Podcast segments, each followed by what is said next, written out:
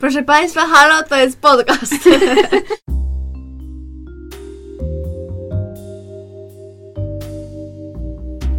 Witamy w bliskich spotkaniach szóstego stopnia.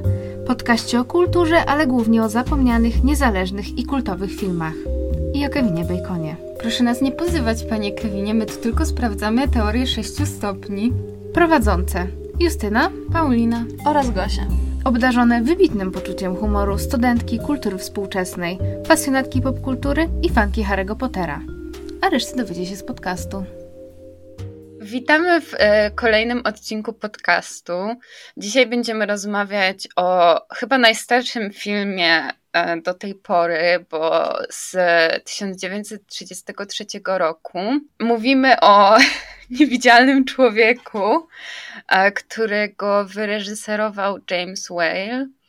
I ten film powstał jako adaptacja książki H.G. Wellsa z 1897 roku i opowiada o naukowcu, który wynajduje serum, dzięki któremu można zniknąć, jeśli się je tam wstrzykuje pod skórę przez jakiś czas i e, ale jakby efektem ubocznym tego serum jest fakt, że zaczyna się być agresywnym i jakby trochę tak mm, się, jak to się mówi, że się tak jest megalomanem. Tak, jak, jakaś wzrasta megalomania, chyba jeszcze większa niż była. I no, i e, on tam próbuje jakby też przeciw, jakby antidotum wymyślić i dlatego wyjeżdża z miasta na jakąś małą wieś, ale tam jakby zaczyna mu właśnie tak odbijać i zaczyna terroryzować to miasteczko, no i jakby cała akcja się toczy jak władze próbują mhm. go powstrzymać. Czy coś byście dodały? Że jest postać narzeczonej, granej przez Glory Stewart, yy, która, jak się tutaj z Gosią szuknęłyśmy, grała w Titanicu. Tą starą panią? Starszą Rose, tak. Widzę, że jesteśmy trzy szuknięte. tak. No i z tego co wiem, właśnie co czytałam, to w książce jakby, znaczy nie czytałam książki, żaden z nas chyba nie czytała, chyba że Paulinka, bo czytałaś wszystko, nie? Ale mam w ogóle Wojnę Światów na półce, muszę ją przeczytać na studia. Mm, to jakby w tej książce on był taki bardziej samotny i chyba nie miał żadnej narzeczonej, ale to... to no właśnie ta narzeczona mi tak nie bardzo pasowała, w sensie mogło jej tam nie być. Także w zasadzie to nic nie, nie, nie wniosło jakby do tej no. całej, do jakby historii tej postaci. No, jakoś w Tylko ogóle... To jest taki archetyp jakby właśnie trochę takiej kobiety, która ma za zadanie tak uspokoić e, mężczyznę mhm. i, i taka miała być trochę jej rola. Że ona go zbawi. Tak, no. No, ale... No, w sensie, chociaż to w ogóle jest śmieszne, jakby, że ten film trwa trochę ponad godzinę i jakby i tak w sensie wydaje mi się, że właśnie te jakieś takie wątki z nią trochę dodają tylko czasu i jakby nie są to nic innego. A wydaje mi się, że to też jest kwestia jakby specyfiki po prostu y, kina w tamtym czasie, nie? Że no te jakby tak. wątki miłosne jakieś były, tak mi się wydaje, bardziej takie prominentne niż jakby teraz się tego przykłada uwagę. No to prawda. Bo może w ogóle zacznę od początku, najlepiej zacząć od początku, e, że e, Niewidzialny Człowiek powstał e, jako część takiego, powiedzmy, uniwersum horrorowego studia Universal, mm, który gdzieś tam w latach 30. się zaczęło dziać i do którego można zaliczyć na przykład Drakulę, Frankensteina albo Mumię. No i w ogóle sam niewidzialny człowiek też jakby potem doczekał się y, chyba czterech kontynuacji. E, nie wiem, czy mam je wymieniać, czy nie. nie. E, ale no była niewidzialna kobieta na przykład. E, był niewidzialny agent. Mm, powrót niewidzialnego mężczyzny i zemsta niewidzialnego, znaczy człowieka. człowieka. Bo jakby człowiek, mężczyzna Jak wiemy. Przecież Sejm. No. Um, no i ogólnie od jakiegoś czasu e, jakby Uniwersal próbuje wskrzesić cały ten pomysł na takie y, dzielone uniwersum, bo robi to Marvel, bo robi to in, ile, jakby różne inne studia. No i próbowali to robić kilkukrotnie z Draculą, um, jak to się nazywało po polsku, Dracula Untold, no nieważne. Zgierszałem. Historia jakaś tam, zgierszałem, tak. Najważniejszy aktor w tym filmie. E, no, no i nie pykło to. E, potem próbowali jeszcze z Mumią, e, z Tomem Cruzem. To też, też bardzo im nie pykło. No i jakby w okolicy tego, tej mumii oni sobie właśnie wymyślili to całe Dark Universe, że to, to będzie cały taki y, znowu uniwersum filmów z tymi potworami. Bo chyba jeszcze Godzilla w to wchodzi, nie? Godzilla nie. Godzilla to jest w ogóle japońskie, nie, japońskie, dobrze myślę? Tak. Okay. No i tak, no i próbowali jakby to właśnie wskrzesić. E, I tam e, na początku, w ogóle trochę jest tak, że Paulina nie śpi na mojej opowieści. Wspaniale. Ale ja słucham, bo po prostu twój głos mnie tak uspokaja. Dobrze. Wielki brat e. patrzy. I w ogóle w samej tej mumii tam się pojawił przecież w ogóle Russell Crowe, jako... który grał tego no, jasne. doktor Jekyll, Mr. Hyde, no to tam wiecie, no nie pykło, no w każdym razie. No nie pykło, to dobrze podsumowuję.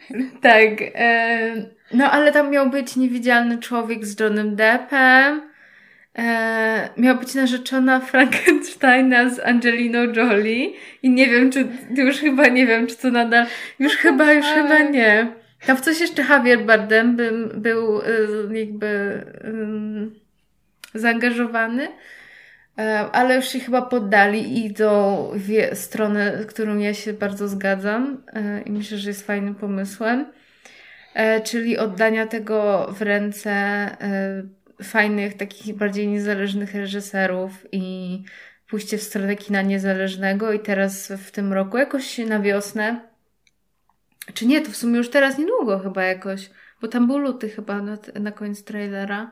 Mm, możliwe. No, e, wchodzi e, właśnie The Invisible Man z Elizabeth Moss, reżyserowany przez um, gościa, który zrobił film Upgrade, którego nie widziałam, ale słyszałam dużo fajnych rzeczy o nim. No i ogólnie jest to taka historia, um, która nie ma za wiele wspólnego z tym filmem i jest o tym, że e, postać Elizabeth Moss ucieka od męża, który był abusive i w ogóle. Mm, I jakby już wydaje się jej, że może zacząć swoje życie od nowa i tak dalej. E, kiedy okazuje się, że ten mąż nadal ją prześladuje i po prostu jest teraz niewidzialny. Bo on chyba e... też jest naukowcem no. w tej adaptacji. Możliwe. Mm, no i, i tu już jest koniec mojej opowieści. Fascynującej. Tak, i z okazji tego postanowiłyśmy pomówić dzisiaj o niewidzialnym człowieku z 33. W głównej roli gra Claude Rains. Uważam, że to jest fajne, żeby to zaznaczyć, bo to jest jakby świetna aktorka. Mam wrażenie, że jak e, był obsadzony w tym filmie, to jeszcze nie był tak na tyle jakby znany i bardziej robił takie rzeczy na scenie. Ale on potem grał na przykład w Osławionej e, Hitchcocka i ogólnie jest taką dosyć e, no, znaną postacią i taką ważną. Czy w upiorze z op, e, w, oper, w, nie, w, w operze to się mówi, nie? Tak, w operze. E, też uniwersalna. A to dobre pytanie, teraz są rozkminę. Upiór z opery, upiór w operze. Ja właśnie nie wiem, bo z Phantom of the Opera. No właśnie. no. Ale to w ogóle to bardziej brzmi jak powinno być, że upiór, upiór opery. opery. No. no. I to trochę pasuje, no bo jest takim a, nie umieją. Jak ja bym to tłumaczyła. No już Paulina jesteś taka po prostu angielska. Mhm. Dokładnie. Mm, no, ale y, mam tutaj taką ciekawostkę, y, która jest, która jest bardzo ciekawa. ciekawa ciekawostka, która brzmi tak, że um, dublerem Claude'a Rainsa w tym filmie był, e, był pan, który był wyższy i miał bardziej taki prominent nos. O, ważne. No. Ważne. No ten nos był ciekawy. No, bardzo ważny tam. Tak. Ale właśnie ja miałam taką rozkminę przez cały film, że, że nie zazdroszczę mu, że tak musiał biegać na golasa, jak była zima.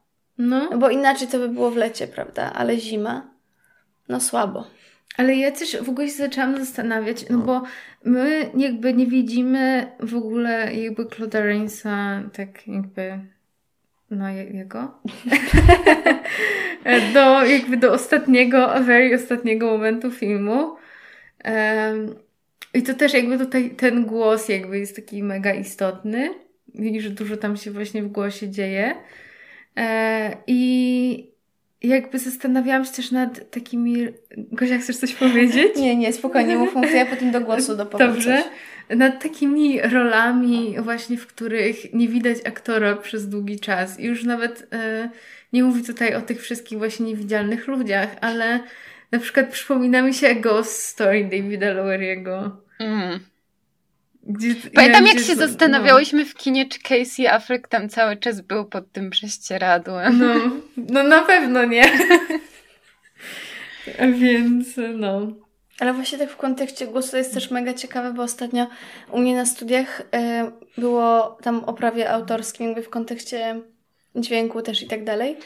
I nieźle, że niektóre że jest coś takiego, tylko teraz oczywiście tego nie przywołam, bo nie pamiętam dokładnie, wiadomo, ale jest coś takiego, że właśnie, że można jakby zastrzec swój taki jakby bardzo charakterystyczny głos i że na przykład jak ktoś go wykorzysta jakoś tam nielegalnie, czy tam przez przypadek i w ogóle, to i da się jakby mm, zidentyfikować ten głos, to można się na tej, e, na tej, jak to powiedzieć, no to po prostu można się w tej sytuacji domagać, wiecie, jakichś tam wynagrodzeń. W ogóle głosy były super no. w tym w sensie. Znaczy w ogóle jakoś w tych starych filmach, jak oni tak mówią i te głosy tak brzmią tak jakoś inaczej, nie wiem, ja się na tym w ogóle nie znam, ale po prostu jest coś takiego super.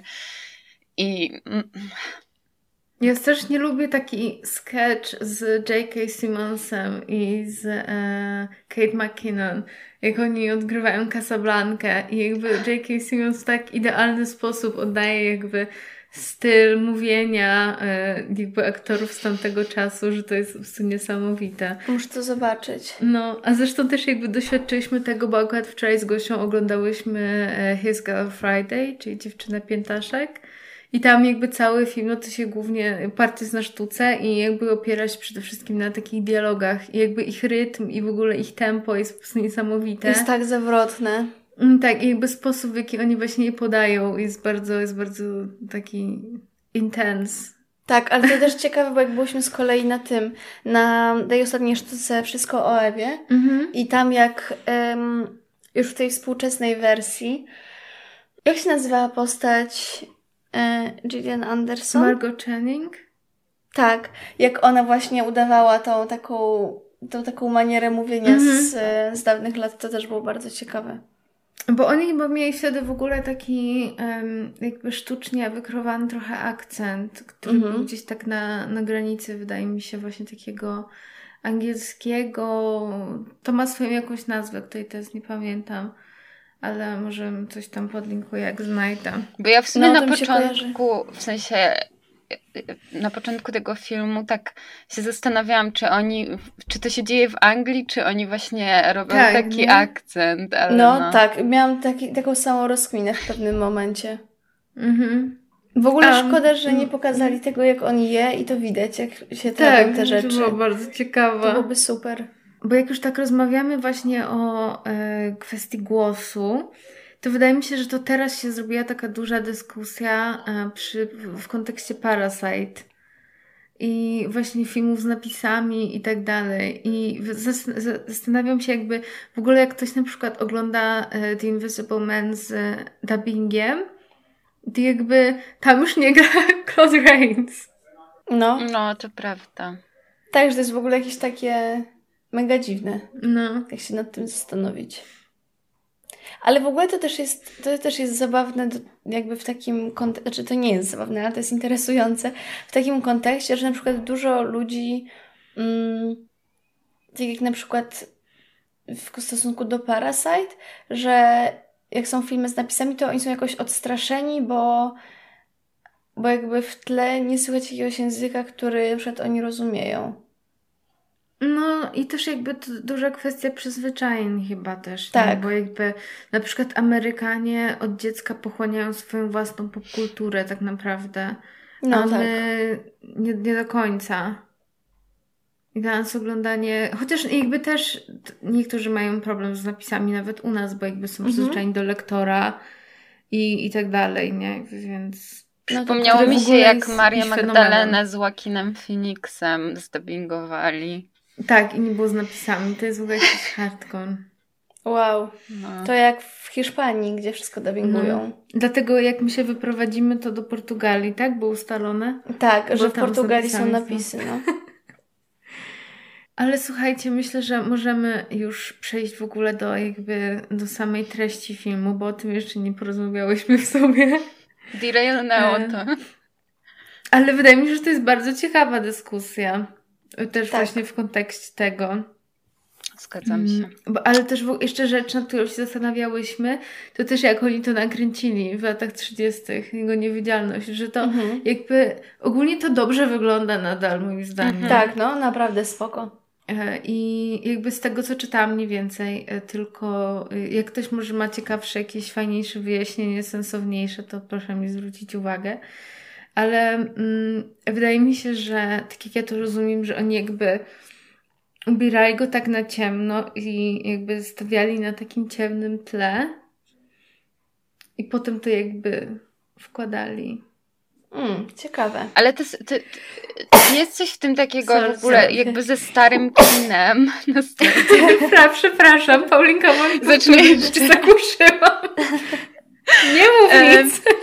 W ogóle jest coś... Um, już nie powiem. No już nie, przepraszam. Mów, Borku. Nie, ale jest coś takiego super jakby, w sensie jeśli chodzi o stare kino w ogóle, w sensie, że jakby duża część, czy w ogóle Photoshop kiedyś, nie, że to była po prostu manualna robota i w sumie jak się nad tym zastanowić, to jest takie w sensie bardzo logiczne, żeby jakby coś manualnie próbować zrobić i tak dalej i po prostu jakoś z jednej strony właśnie w sensie jak się słyszy jakieś takie rzeczy, to zawsze sobie tak myślę, o wow, jakie w ogóle kreatywne i tak dalej, ale z drugiej strony to jest takie w sumie jakby... No, że jak w sensie to inaczej cieka... zrobić, nie? No i w sensie ciekawa jestem w ogóle jakby jak inne w ogóle musiało być myślenie ludzi jakby kiedyś. W sensie to jest mhm. już bardziej taka taka myśl, nie wiem, z dupy wyjęta, ale po prostu jakoś tak no, no tak, ale to tak samo jak no, z tą muzyką eksperymentalną i w ogóle z tymi wszystkimi, nie, że to się ciało te wszystkie monta znaczy taśmy i tak dalej i się no. sklejało. To jest też dla mnie jakieś niepojęte. Wszystko takie oparte na jakby na kombinowaniu, nie? Czy tak jak tutaj jakby na takich trikowych zdjęciach i w ogóle. To jak my e, na zajęciach z typografii, czy co tam było. Tak. A, widzicie? No i kserowania. To było straszne, bo tam trzeba było kurna na tej drukarce w ogóle powiększać. na kserze, no. Tak, bo ja chciałam tak. coś powiedzieć. Bo jeszcze nie mówiłam, oczywiście. Otóż ja chciałam powiedzieć, że jestem bardzo zaskoczona, że ten film jest trochę śmieszny. tak. E, I że tam jest dużo humoru całkiem. No bo ten w ogóle ten e, główny bohater to jest taki sassy, taka queen no, z niego. No.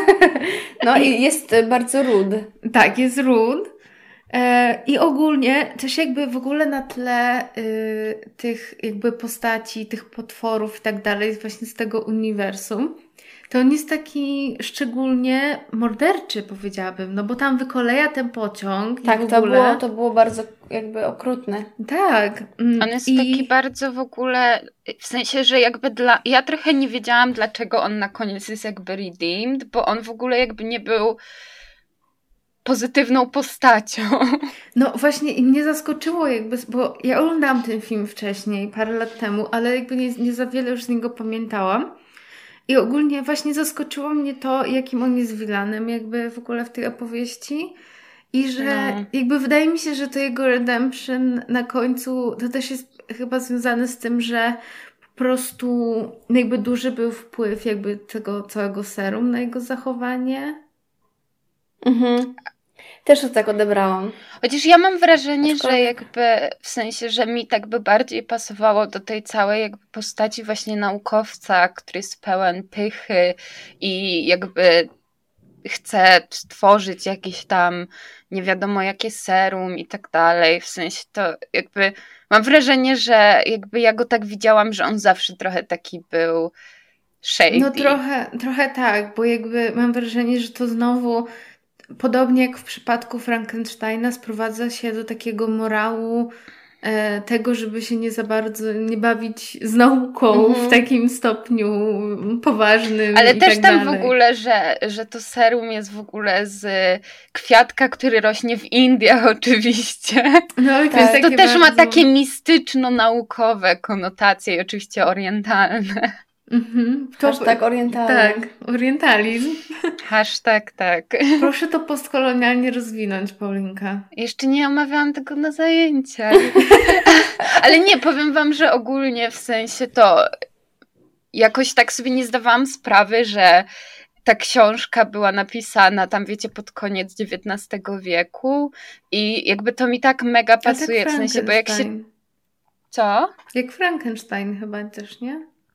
Chyba Frankenstein chyba trochę wcześniej, A, ale okay. w każdym razie w sensie to mi tak jakby, bo jakby w ogóle w tym roku, w sensie w tym semestrze czytam tyle takich staroci, wiecie, z jakichś czasów wiktoriańskich i tak dalej i to tak wszystko, w sensie to mi tak pasuje, że właśnie nawet ten taki malutki wątek tego, że że właśnie jest ten kwiat z Indii i że jest trochę ten strach przed nauką, trochę taki, w sensie, że jest tam gdzieś ten mistycyzm, mimo że to już jest taki okres, kiedy ta nauka tam góruje i tak dalej, to właśnie jakby taki blend tego wszystkiego jest dla mnie mega ciekawy. Ale też, że to się dzieje jednak w zachodnim kraju, bo często na przykład Kipling albo nawet Konrad i tak dalej, oni pisali jakby o o tym, że jak się wyjeżdżało kolonizować, to był ten strach przed staniem się jakby przed tą transgresją i jakby przemianą w tych w cudzysłowie, wiecie, mm, no. Nie chcę użyć brzydkiego słowa, ale no jakby. Ale innych takich po prostu. Tak, innych, no. Więc to, to jest całkiem ciekawe, że to się dzieje na zachodzie. I no, nie wiem, co o tym myślicie? Znaczy, mi się w ogóle, mm, może to tak nie w tym kontekście do końca, ale byłam dosyć też zaskoczona e, tym, że już jakby na takim wczesnym etapie opowiadania tego typu historii jednak e, pojawiają się takie wątki, że jednak to jest coś niebezpiecznego i że jakby ten niewidzialny człowiek właśnie nie jest protagonistą, który, z którym jakby my kibicujemy, któremu kibicujemy i jakby idziemy z tą jego drogą, tylko że ten, ten film od razu pokazuje już takie właśnie nie, niebezpieczne, niekorzystne skutki jakby tego. Mhm. I że z tym tutaj... się właśnie musi gdzieś tam uporać, yy, no, z, tą, z tym takim jakby despotycznym, takim tyranicznym jakby charakterem tego bohatera. Tak, tak ale no to też jest... Op... Nie, mów Kasia. Nie, nie, chciałam tylko powiedzieć, że to też jest jakby ciekawe, że, mm, że od razu właśnie czemuś, co jest nieznane, czyli tak jak ten narkotyk z tego kwiatka i tak dalej, jakby przypisywana jest nie pozytywna cecha, czy jakieś pozytywne właściwości, tylko negatywne, nie?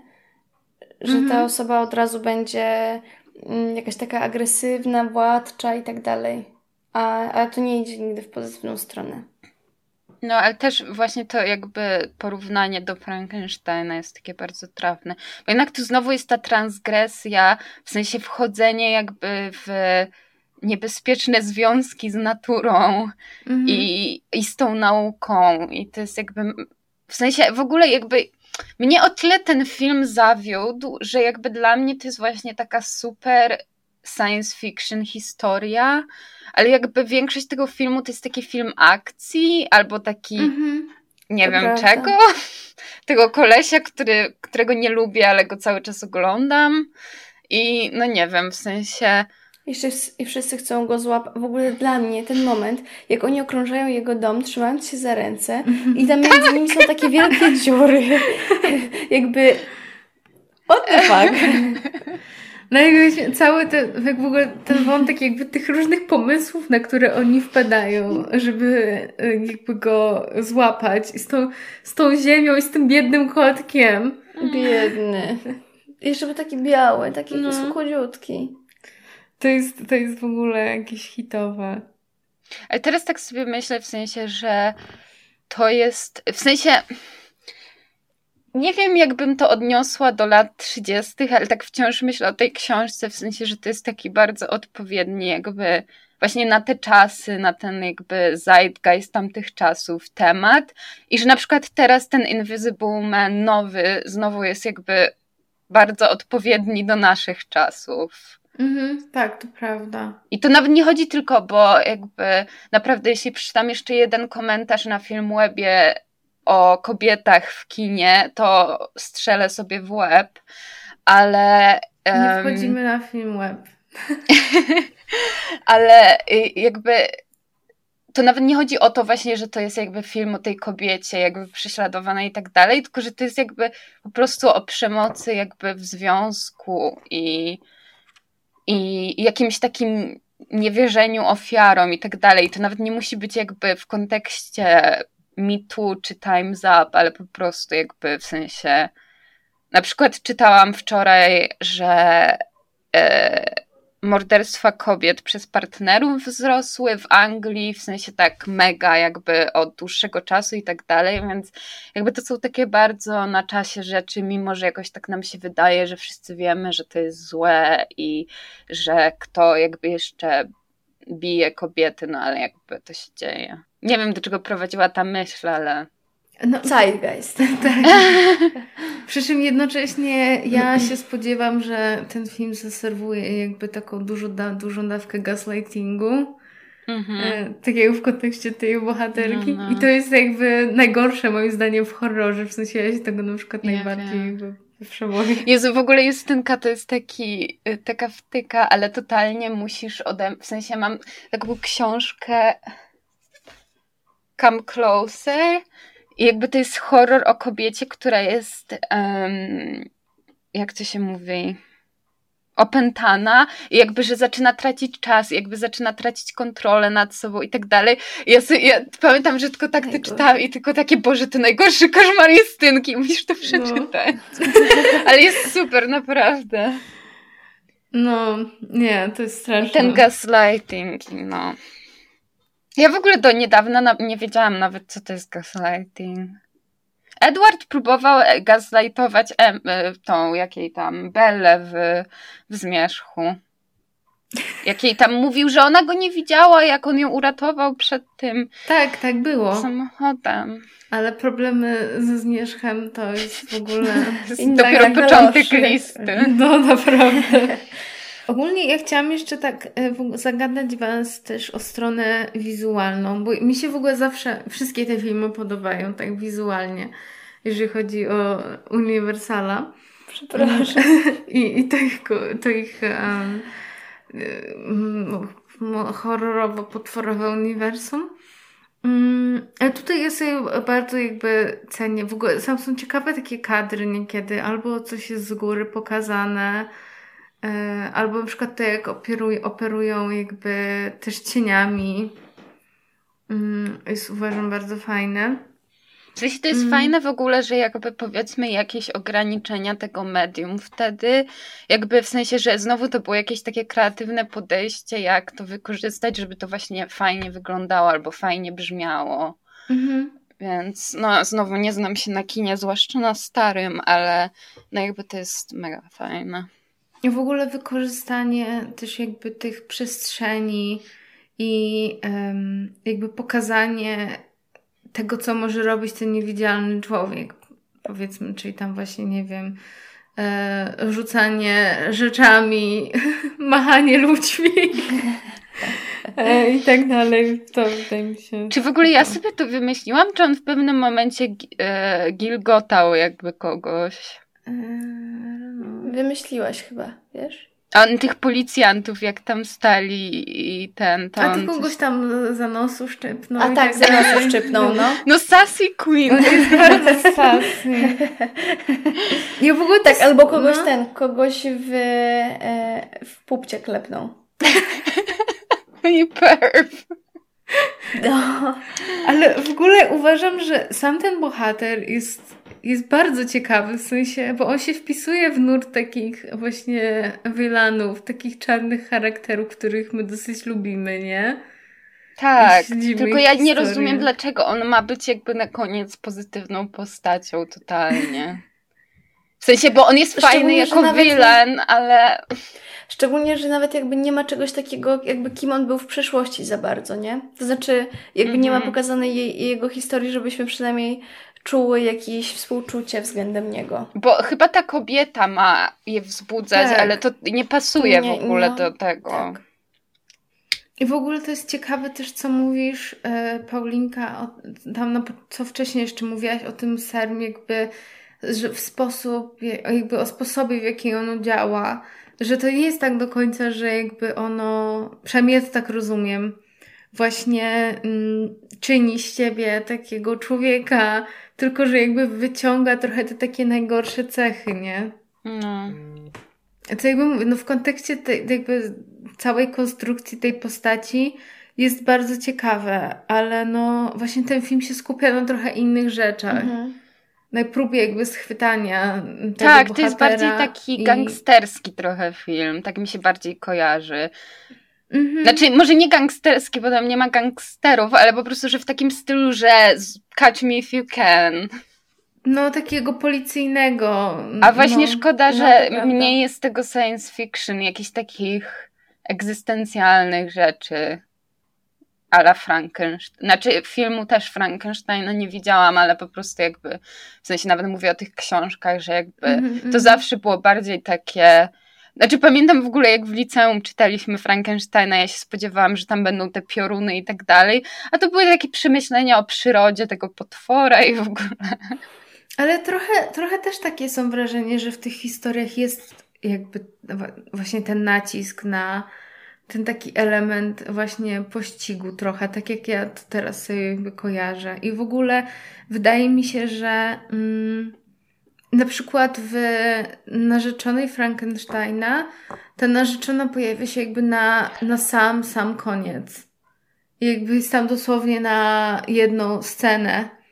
I jakby to mi się tak trochę kojarzy z tym, że właściwie takiego mięsa jakby w tej historiach, tego co, co, na co my czekamy najbardziej są zawsze malutko.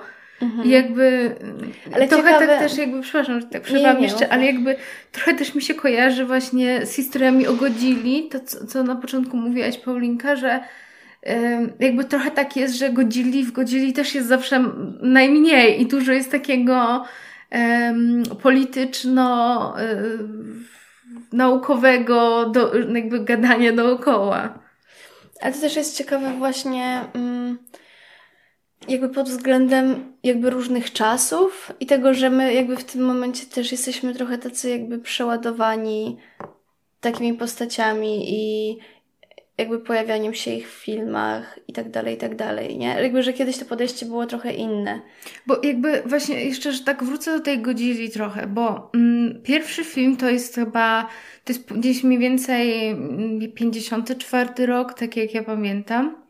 Mm, I jakby tam jest właśnie bardzo mało jakby tej godziny i na ekranie i ona jest jakby wypadkową jakby tych takich eksperymentów i tej bomby atomowej i tak dalej, nie? I jakby teraz e, przy okazji tego e, filmu e, z 2014 roku to jakby pojawił się jakby, dużo, jakby tam też jest mało tej godzilni w godzilni i jakby to był duży zarzut jakby do, do tego filmu przez wielu jakby wysnuwany, że jakby jest za mało tej postaci, a jakby no, na tym trochę to polega. Mhm. Chociaż ja sobie że tak myślę... jest na ludziach skupiony dookoła. W sensie, jakby wydaje mi się, że w tej starej godzili to jakby o tyle miało sens, że no jakby nie dość, że to był jakiś sposób radzenia sobie z tą traumą bomb mhm. atomowych przez Japonię, to właśnie, że jakby, że to nawet ma taki wymiar metaforyczny, jakby jej brak na ekranie,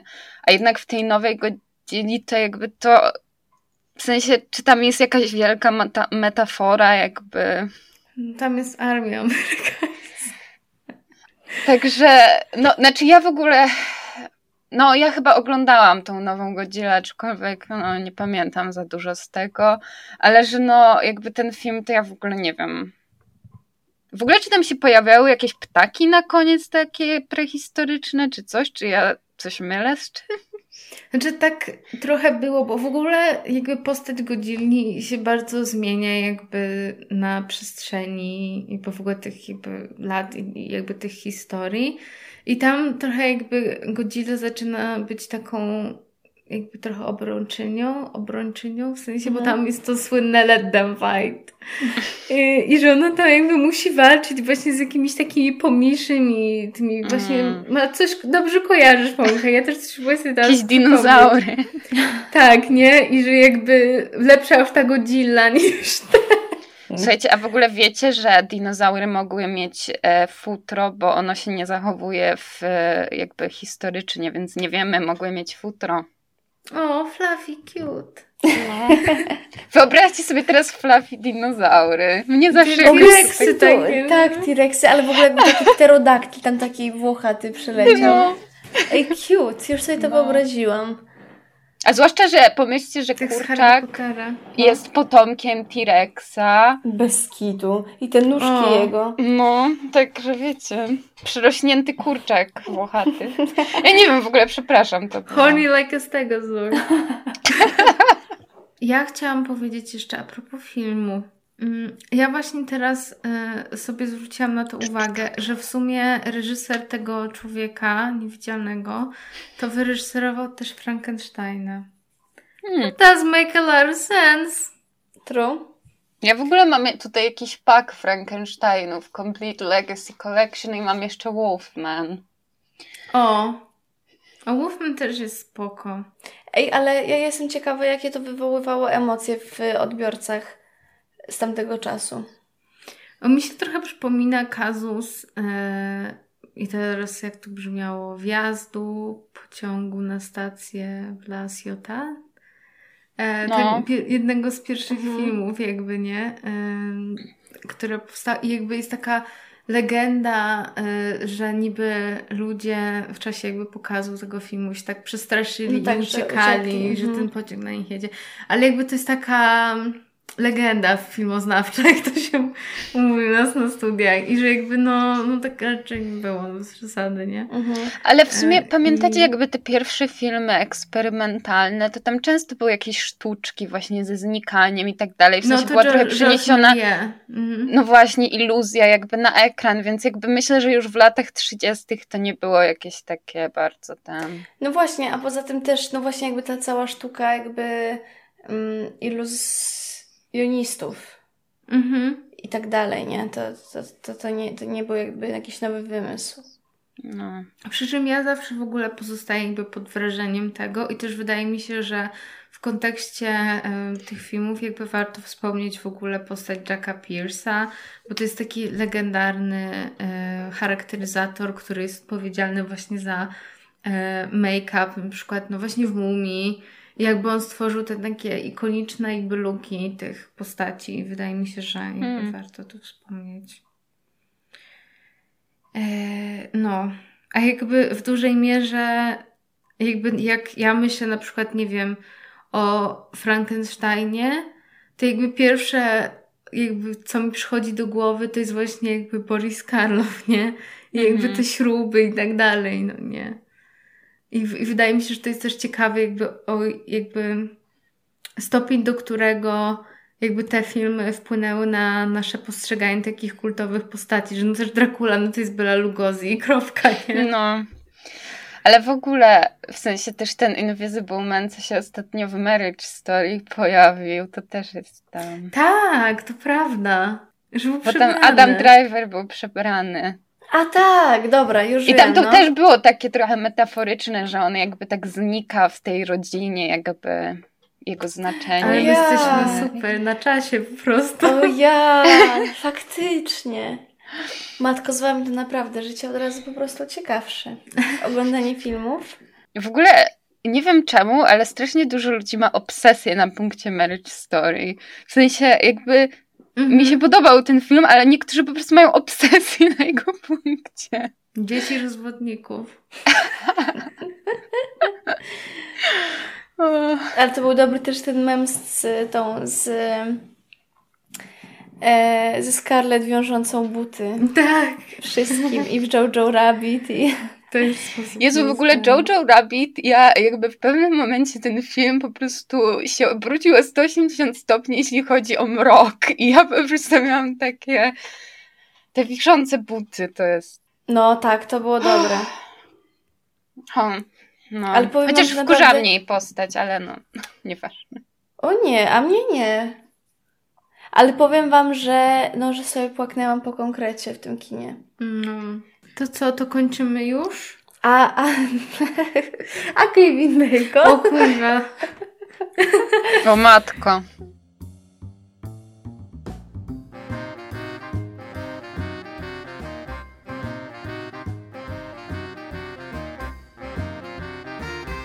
Kevin Bacon i Harry Potter. W każdym odcinku sprawdzamy teorię 6 stopni Kevina Bacona, zwaną również liczbą Bacona, według której aktor jest centralną postacią w Hollywood i można go połączyć z każdym innym aktorem poprzez maksymalnie 6 stopni.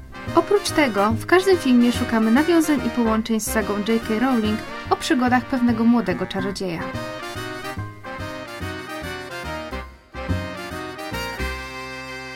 Może przez tą, przez bohaterkę Flory, jako że Titanic. Eee. O, Wow, Czyli- kiedyś w tej, raz w tej, e, w tej, mm, jak to się mówi? W naszym w tym segmencie zabłysła. Czyli Gosia, jesteś zawsze dla siebie za bardzo surowa. Tak, tak Zawsze, zawsze sobie umniejszasz, no. Nie pozwalam na to, zakaz. Stopy. Czyli tak Gloria Stewart i potem jak? No na mnie się nie patrzcie, słuchajcie. Leonardo DiCaprio, Kate Winslet, Bibi Zane, Kathy Bates. Paulinka, czy ty myślisz? Mhm. Myślę, że to googluję. No też tak mi się wydaje. No staram się, ale... Okej, Kevin Spacey zrobił film z Kate Winslet. Kevin The. Life of Dave... A co ja powiedziałam? Spacey.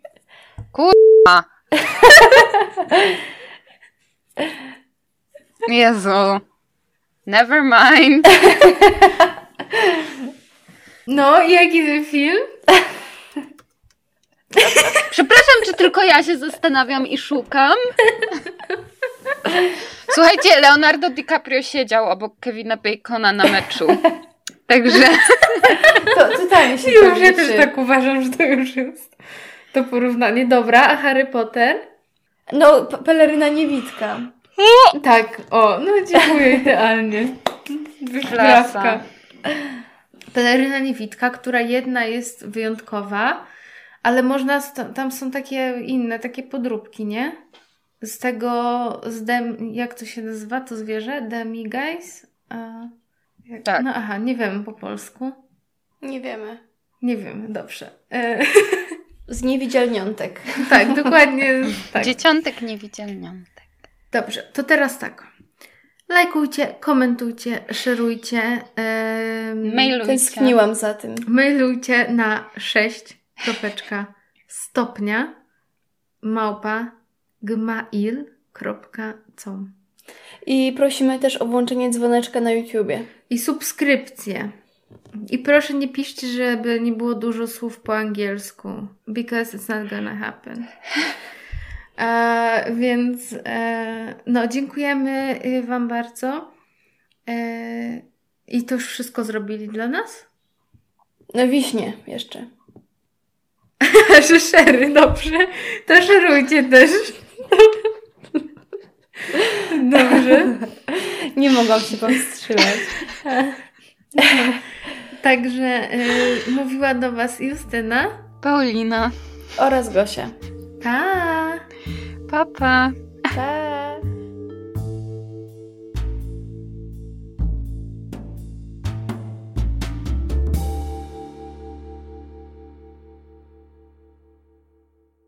Ja w ogóle chciałam powiedzieć, że y, szykuję się i szykuję się z tym, żeby Wam zaśpiewać.